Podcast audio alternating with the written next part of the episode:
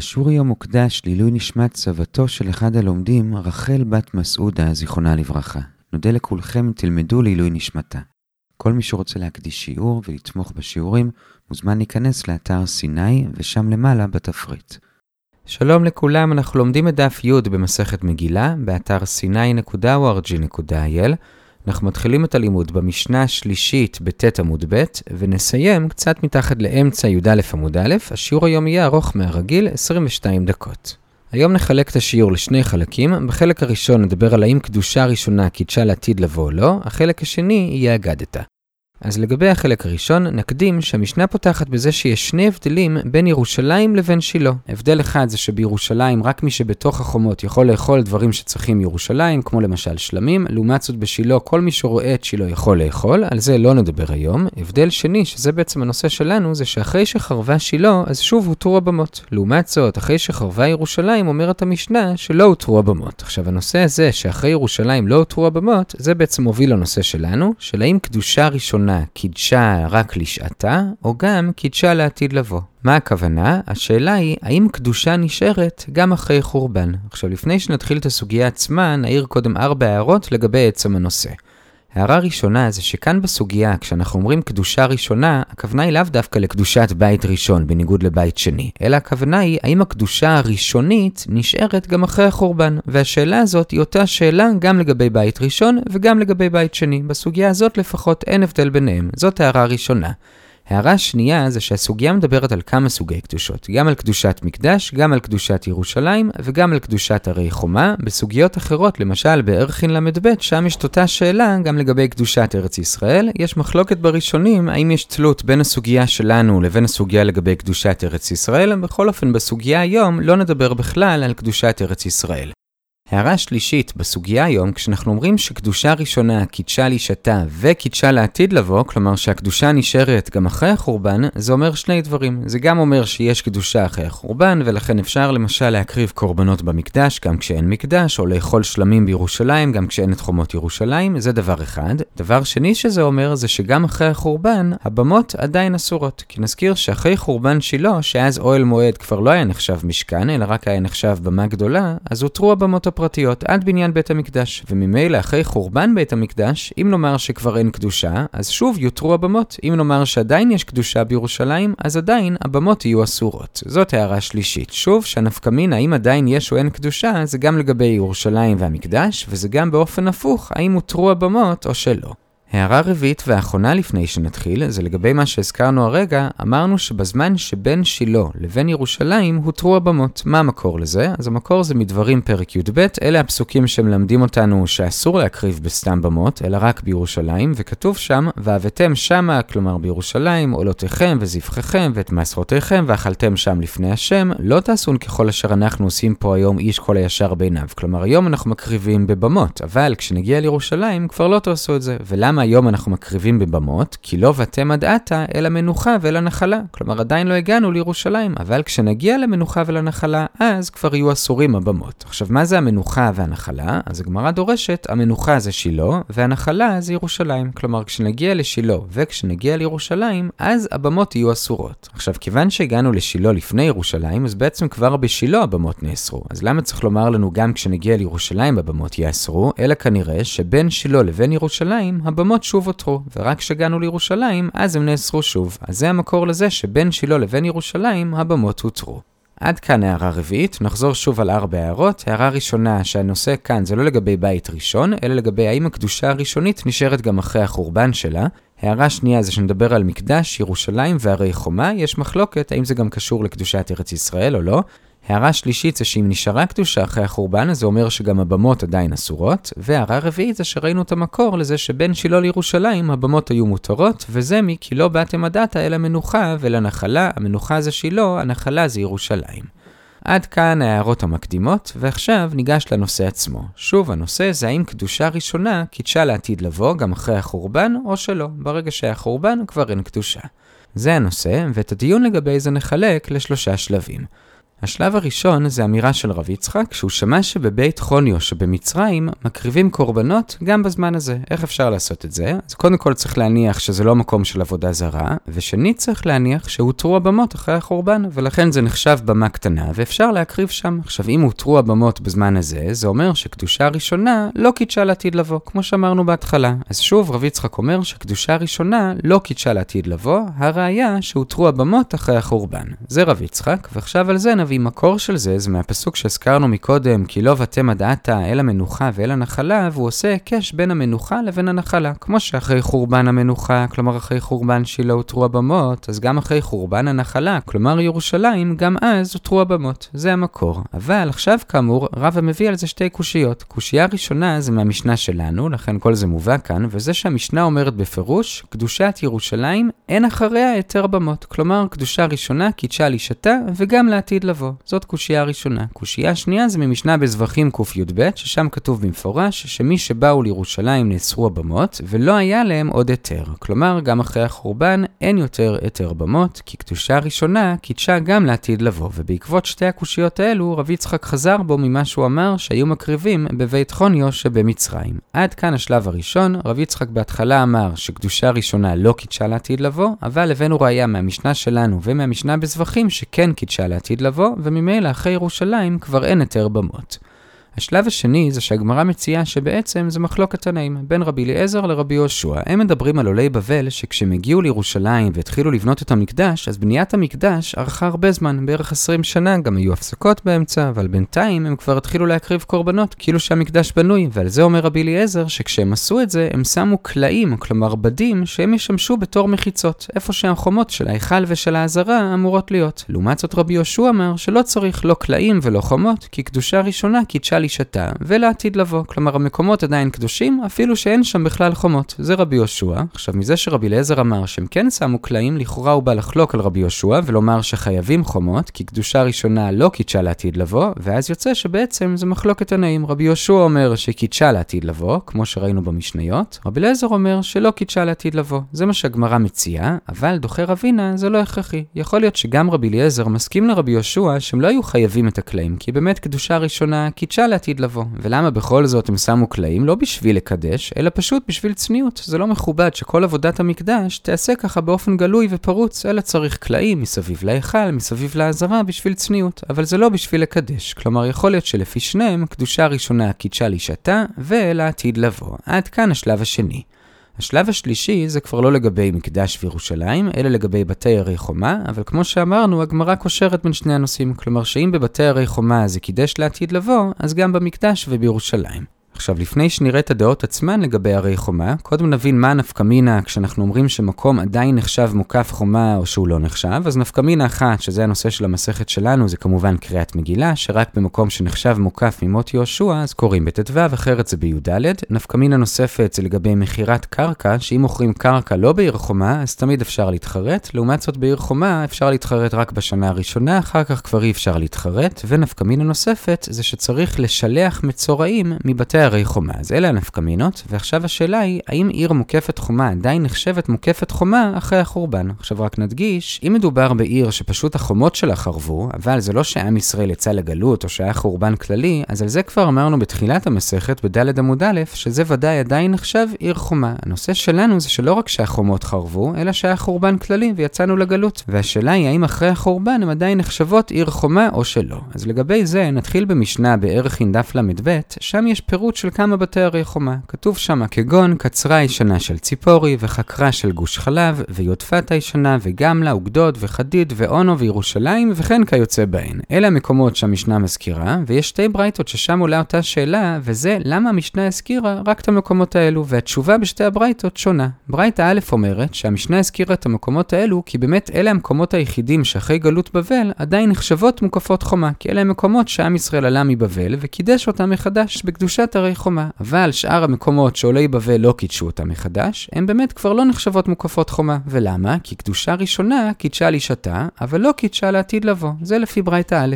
לפי ברייתא ב', לעומת זאת, המשנה הזכירה את המקומות האלו לא כי אלה המקומות שעולי בבל קידשו, כי באמת לא צריך לקדש מחדש, אלא פשוט אלה המקומות שעולי בבל נתקלו בהם כשמלאו מבבל, והם ציינו אותם כערי חומה, אבל באמת זה רק דוגמאות, ובאמת כל ערי החומה ממות יהושע עדיין נחשבות ערי חומה, ולא צריך לקדש אותם שוב, כי קדושה ראשונה קידשה לישתה ולעתיד לבוא. אז שוב, לפי ברייתא א' צריך לקדש אתרי החומה מחדש, לפי ברייתא ב' לא צריך, כי קדושה ראשונה קידשה לעתיד לבוא, אז יש לנו כאן לכאורה מחלוקת תנאים לגבי השאלה שלנו, אבל עדיין יש כאן בעיה קטנה, וזה ששתי הברייתות מובאות בשם רבי ישמעאל ברבי יוסי, ואז יוצא שיש סתירה בין שתי הברייתות, מה רבי ישמעאל ברבי יוסי סובר, ולגבי זה הגמרא מביאה שתי תשובות. תשובה אחת זה שבאמת יש מחלוקת תנאים לגבי מה רבי ישמעאל ברבי יוסי סבר, תשובה שנייה זה שבאמת הברייתא הראשונה היא רבי ישמעאל ברבי יוסי, שלא קידשה לעתיד לבוא, ואילו הברייתא השנייה שאומרת שקידשה לעתיד לבוא, זה לא רבי ישמעאל ברבי יוסי, אלא רבי אלעזר ברבי יוסי, וזה מוביל אותנו למקור השני לגבי הרי חומה, וזה כאמור רבי אלעזר ברבי יוסי. אומר רבי אלעזר ברבי יוסי, הפסוק שאומר שכשמוכרים בית בערי חומה יש לו דין אחר מאשר בית בשדה אחוזה, אז כשהפסוק מגדיר את העיר חומה, הוא אומר כך, הבית אשר בעיר אשר לא חומה. עכשיו המילה לא נקראת בוו, כלומר עיר שיש לו חומה, אבל בתורה זה נכתב ל"ו א'. למה יש כאן א' בסוף? זה בא לרמוז שאת המילה הזאת לא אפשר לקרוא לא רק כל"ו, אלא גם כל"א, כלומר מילת שלילה. למה צריך כאן מילת שלילה? אלא שדורש מכאן רבי אלעזר ברבי יוסי, שזה בא ללמד אותנו שגם אם פעם הייתה לו חומה, והיום כבר אין לו חומה, אומר רבי אלעזר ברבי יוסי, שגם אז, אפילו בימיו של רבי אלעזר ברבי יוסי, שכבר היה חורבן, בכל זאת זה נחשב עיר מוקפת חומה. אז הנה יש לנו עוד דעה שקדושה ראשונה קידשה לישתה וגם קידשה לעתיד לבוא. עד כאן השלב השלישי לגבי בתי ערי חומה, כאן ראינו שניים או שלושה מקורות, שני המקורות הראשונים זה שתי ברייתות לגבי המשנה בערכין שלא הביאה עוד מקומות מוקפות חומה, ומקור שלישי זה הדרשה של רבי אלעזר ברבי יוסי מהפסוק אשר לא חומה. עד כאן השלב השלישי, ולסיכום יוצא לנו שרוב מוחלט של המקורות שראינו אמרו שקדושה ראשונה קידשה לעתיד לבוא, זה המשנה שלנו והמשנה בזבחים, שאמרו שכבר אין היתר במות אחרי החורבן, זה רבי אלעזר ורבי יהושע, שאמרו שעולי בבל התחילו להקריב ולא היו חייבים את הקלעים, אלא רק בגלל צניעות לפי רבינה, וזה ברייתא לגבי בתי הרי חומה, ועוד ברייתא לגבי זה של רבי אלעזר ברבי יוסי. כל אלו אומרים שקידשה לעתיד לבוא, לעומת כל אלה יש לנו רק מקור אחד בתנאים שאומר שלא קידשה לעתיד לבוא, וזה רבי ישמעאל ברבי יוסי בברייתא קדושתה הראשונה, שלדעתו בהרי חומה, קדושה ראשונה לא קידשה לעתיד לבוא. עד כאן החלק הראשון של השיעור. החלק השני של השיעור, שמתחיל בשורה ה-11 בעמוד ב', מתחיל סדרה של בערך שבעה דפים של אגדתא עד סוף הפרק הראשון, שבהם אנחנו נדרוש חלקים גדולים של סיפור מגילת אסתר. היום נראה לגבי זה שתי סוגיות, ששתיהן הם סוג של פתיחה לסדרת הדרשות. הסוגיה הראשונה זה לגבי המילה הראשונה במגילה, ויהי בימי אחשורוש. אומר רבי לוי ויתאם רבי יונתן, דבר זה מסורת בידינו מאנשי כנסת הגדולה, כל מקום שנאמר ויהי, אינו אלא לשון צר, והוא מביא לזה אוסף של דוגמאות, כמו אצלנו ויהי בימי אחשורוש, ויהי בימי שפוט השופטים, ויהי כי החל האדם לרוב על הארץ, ואחרי כמה פסוקים כתוב וירא השם כי רבה רעת האדם, וכך הלאה הוא מביא עוד פסוקים, שכל פעם שכתוב ויהי, זה התחלה של סיפור לא טוב. זה מה שאומר רבי לוי או רבי יונתן, אבל על זה מקשה הגמרא הגמרא מאוסף של פסוקים שגם מתחילים ב"ויהי", ששם דווקא הסיפור הוא לא רע. למשל, ויהי ושמונים שנה וארבע מאות שנה לצאת בני ישראל ממצרים, שלמה בונה את בית המקדש, ולמשל, ויהי כאשר ראה יעקב את רחל, שזה כמובן התחלה של סיפור טוב, ויהי ערב ויהי בוקר יום אחד, שזה גם כמובן דבר טוב. לכן בא רב אשי ומתקן קצת את הכלל של רבי לוי, והוא אומר, אם כתוב ויהי, זה יכול להיות או טוב או רע. אבל אם כתוב ויהי בימי, זה תמיד רע. למשל, שתי הדוגמאות שכבר ראינו, ויהי בימי אחשורוש, וויהי בימי שפוט השופטים בתחילת רות, ויהי בימי אמרפל, שאז מתחילה מלחמת ארבעת המלכים נגד החמישה בימי אברהם, והוא מביא עוד שתי דוגמאות שעוד לא הוזכרו מקודם, וזה בישעיהו ז', ויהי בימי אחז בן יותם בן עוזיהו מלך יהודה, ואחרי זה כתוב שעלה רצין מלך חרם ופקח בן רמליהו מלך ישראל ירושלים למלחמה, ובירמיהו א', ויהי בימי יהויקים, ובימיו התחילה הגלות והחורבן. עד כאן הסוגיה הראשונה לגבי פתיחת מגילת אסתר, כשכתוב ויהי בימי, זה לא הולך להיות סיפור טוב, לפחות לא בהתחלה. עכשיו בסוגריים, קצת לפני אמצע עמוד ב', כיוון שכבר ראינו עכשיו מימרה של רבי לוי, שהוא התחיל אותה בניסוח של דבר הזה מסורת בידינו, אז הגמרא מביאה עוד שתי מימרות שלו, שגם אותם הוא מנסח בצורה דומה, דבר הזה מסורת בידינו מאבותינו, בלי קשר למגילת אסתר. מימרה אחת זה שאמוץ, שהוא אבא של ישעיהו, ושאמציה, מלך יהודה, היו אחים. למה זה חשוב לנו לדעת? בשביל לדעת שמזרע דוד יצאו גם מלכים כמובן, וגם נביאים, שזה ישעיהו, וגם אבא שלו, אמוץ היה נביא, ולמה זה חשוב לדעת? בשביל לדעת מה השכר של כלה צנועה בבית חמיה, שזה תמר, כי כיוון שתמר הייתה מכסה את עצמה בבית חמיה, כלומר אצל יהודה, אז יהודה לא זיהה אותה ולא ידע שהיא באמת לא זונה, ועל השכר הזה של הצניעות שלה יצאו ממנה מלכים ונביאים. זה דבר אחד. דבר שני שרבי לוי אמר, דבר זה מסורת מאבותינו, שמקום הארון אינו מן המידה. כלומר, אנחנו יודעים שהרוחב והאורך של קודש הקודשים היה 20 על 20 אמה, ולמרות זאת יש ברייתא שאומרת שהמרחק בין הדפנות החיצוניות של הארון ועד קירות קודש הקודשים היה 10 אמות לכל כיוון. עכשיו, הרי זה לא ייתכן, כי הרי אם יש 10 אמות לכל כיוון, הרי גם הארון עצמו תופס מקום. אז איך יכול להיות שהרוחב והאורך הם גם 20 אמה, זה צריך להיות יותר, אלא שאומר רבי לוי, דבר הזה מסורת מאבותינו, שהארון עצמו אינו מן המידה. היה נס והוא עצמו לא תפס שום מקום. כמובן שבמימרה הזאת יש גם אמירה רוחנית, לא ניכנס לזה כאן, בכל אופן זה היה בסוגריים עוד שתי מימרות של רבי לוי, שהוא התחיל אותם בדבר זה מסורת מאבותינו. עד כאן הסוגיה הראשונה והסוגריים. הסוגיה השנייה זה בערך בשליש התחתון של עמוד ב', עד קצת מתחת לאמצע ג' עמוד א', וזה איך חכמים שונים היו פותחים את הדרשות שלהם על מגילת אסתר. כל אחד מהם היה לו איזושהי דרשה מיוחדת שבה הוא פתח, יכול להיות שהדרשה הזאת מבחינתו היא המהות של הסיפור של המגילה, כאן לא נוכל להיכנס לזה מקוצר הזמן, אלא נעבור על כל הפתיחות במהירות. בחלק מהפתיחות לא ברור לגמרי אם זה פתיחה או שזה חלק מהפתיחה הקודמת, בכל אופן כאן נלך לפי השיטה שכמעט כל הדברים שמובאים כאן הם פתיחות חדשות, וסך הכל יש 17 פתיחות שונות שונות לדרשות של המגילה. הפתיחה הראשונה זה של רבי יונתן, שכשהוא היה מתחיל לדרוש בענייני מגילת אסתר, הוא היה פותח בפסוק הבא בישעיהו, וקמתי עליהם, והכרתי לבבל, שם ושאר, ונין ונכד נאום השם. לגבי שם ושאר לא ניכנס, לגבי מה זה שהשם יכרית לבבל לנין ונכד, אז הוא דורש שנין זה שהמלכות של בבל תחרב, ונכד זה ושתי, שהיא הצאצאית האחרונה של בבל, שעדיין הייתה במלכות גם אחרי שבבל נחרבה, ופרס כבר שלטו, והיא הייתה נשואה לאחשוורוש, גם היא תיכרת. זו דרשה ראשונה. דרשה שנייה זה של רבי שמואל בר נחמני, גם הוא דורש פסוק מישעיהו, תחת הנעצוץ יעלה אברוש, ותחת הסרפד יעלה הדס, והיה להשם לשם, לאות עולם לא יכרת. והוא דורש שתחת הנעצוץ זה במקום המן יעלה אברוש, אברוש זה מרדכי, כי אברוש דומה לפסוק, ואתה קח לך בשמים ראש, הבשמים שהם בראש הכי מובחרים, וזה מור דרור, ומתרגמים מור דרור זה מורדכי, כלומר בושם טהור, וזה דומה למרדכי, מרדכי. אז מרדכי יחליף את המן, ותחת הסרפד, שזה ושתי הרשעה, שהיא צאצאית של נבוכדנצר, ששרף את רפידת בית השם, כלומר המקדש, והמילה רפידה דומה לסרפד, במקומה יעלה הדס, שזה הדסה, אסתר כמובן, והמשך הפסוק, והיה לה השם לשם, זה מקרא מגילה, לאות עולם לא יכרת, זה ימי הפורים, שכתוב עליהם, וימי הפורים האלה לא יעברו מתוך היהודים, וזכרם לא יסוף מזרם. עד כאן הדרשה השנייה. הדרשה השלישית של רבי יהושע בן לוי, הוא היה פותח בפסוק בדברים, והיה כאשר שש השם עליכם להיטיב אתכם, כן יסיס להרע אתכם. והגמרא מסבירה, זה לא שהקדוש ברוך הוא בעצמו שמח להרע לנו, כי אנחנו רואים בכמה דרשות שהוא לא שמח, כמו שכתוב בצאת לפני החלוץ ואומרים הודו להשם כי לעולם חסדו, ולא כתוב הודו להשם כי טוב לעולם חסדו, וגם בקריאת ים סוף ביקשו מלאכי השרת לומר שירה לפני הקדוש ברוך הוא, והשם אמר להם מעשה ידיי טובין בים ואתם אומרים שירה, אלא באמת הקדוש ברוך הוא עצמו לא שש, אבל הוא מסיס אחרים. כלומר, הוא גורם לאויבים שלנו להינקם בנו, והוא דורש את זה על המן. כמו שכתוב, והמלך והמן ישבו לשתות, כלומר יש כאן שמחה בעצם זה שהם הולכים להינקם בישראל. הדרשה הרביעית של רבי אבא בר כהנא מקהלת, כתוב כי לאדם שטוב לפניו נתן חוכמה ודעת ושמחה, הוא דורש את זה על מרדכי שהשם נתן לו חוכמה, לעומת זאת ולחוטא נתן עניין לאסוף ולכנוס, זה המן שאנחנו רואים במגילה שיש לו עניין עם כסף, הוא מציע כסף למלך, אבל סוף הפסוק, לתת לטוב לפני אלוקים. השם ייקח את הכסף של אותו חוטא וייתן אותו לצדיק. זה מה שכתוב, ותשם אסתר את מרדכי על בית המן.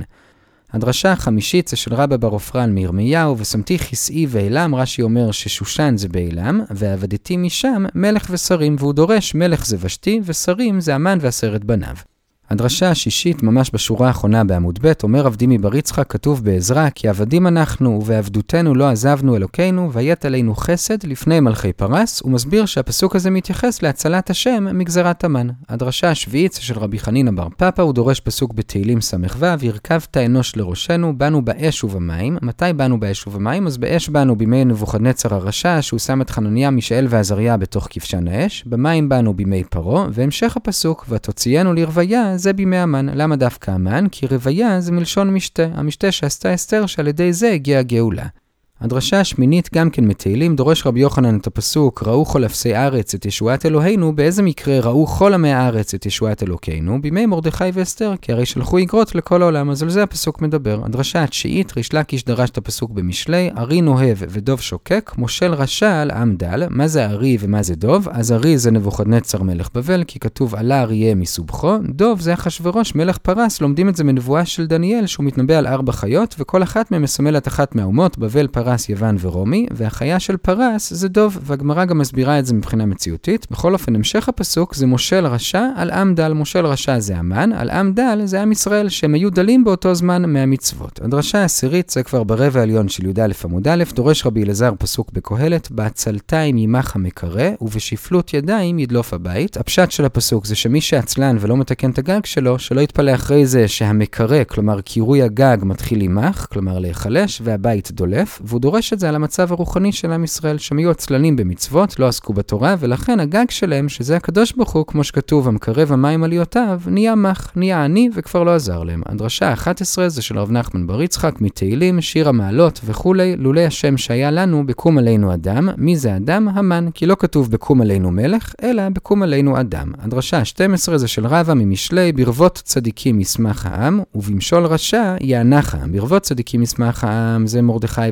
ואסתר אחרי הגאולה ועיר שושן צלה ושמחה, וברבות רשע יענך העם, זה והעיר שושן נבוכה. הדרשה הבאה זה של רב מתנה, בגמרא זה לא ברור לגמרי שזה דרשה בפני עצמה, אנחנו נלך לפי ההסבר שזה כן, הוא היה פותח בפסוק בדברים, כי מי גוי גדול אשר לא אלוקים קרובים אליו, כהשם אלוקינו בכל קוראנו אליו, והמהרשע מסביר שהוא היה דורש את הפסוק הזה כתגובה למה שהמן אמר, כי המן אמר ישנו עם אחד מפוזר ומפורד בין העמים, והוא רחוק כבר מהשם, ולכן רב מתנה פתח בפסוק הזה בשביל להראות שעם ישראל עדיין קרוב להשם. והדרשה הבאה, 14 זה של רבשי, הוא דורש את זה מפסוק אחר באותו פרק, או הניסה אלוהים לבוא לקחת לו גוי מקרב גוי במסות ובאותות ובמופתים ובמלחמה וביד חזקה ובזרוע נטויה וכולי. בגמרא עצמה לא כתוב מה רבשי דרש מאותו פסוק, המהרשע מסביר שרבשי היה פותח בפסוק הזה בשביל לדמות את ההצלה במגילת אסתר לגאולת מצרים, שבשניהם היה צד של מידה כנגד מידה, במצרים הם זרקו את התינוקות שלנו ביאור, ומידה כנגד מידה השם כיסה אליהם את הים, ובאסתר הם רצו להרוג את עם ישראל, ובאותו יום הם אלו שנהרגו, והמן נתלה לעץ שהוא עצמו עשה, מידה כנגד מידה.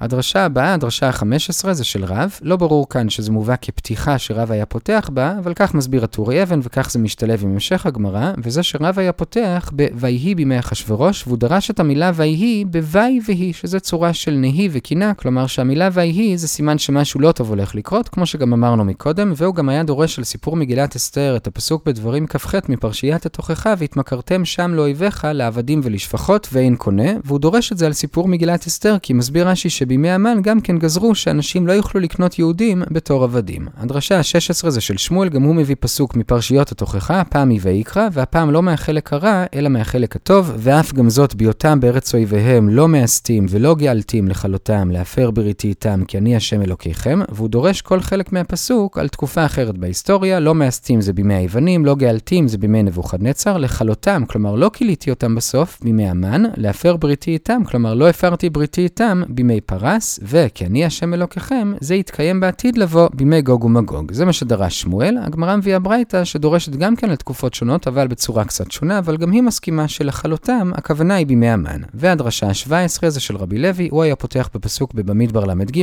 ואם לא תורישו את יושבי הארץ מפניכם, והיה אשר תותירו מהם לסיכים ביניכם ולצנינים בצדיכם, והוא בעצם רמז לזה שאם שאול היה מקשיב למה ששמואל אמר לו וגומר את כל העמלקי, אז כל הסיפור של מגילת אסתר לא היה קורה. זה הדרשה ה-17, והדרשה ה-18 והאחרונה, רבי חייא היה פותח בפסוק מיד אחרי הפסוק שהזכרנו מקודם, כלומר הפסוק מקודם זה ואם לא תורישו את יושבי הארץ וכולי, הפסוק הבא זה והיה כאשר דימיתי לעשות להם, כלומר לגויים, אעשה לכם, כלומר אם לא תשמידו את האויבים, בסוף הם ישמידו אתכם, וזה באמת מה שכמעט קרה בימי מרדכי ואסתר.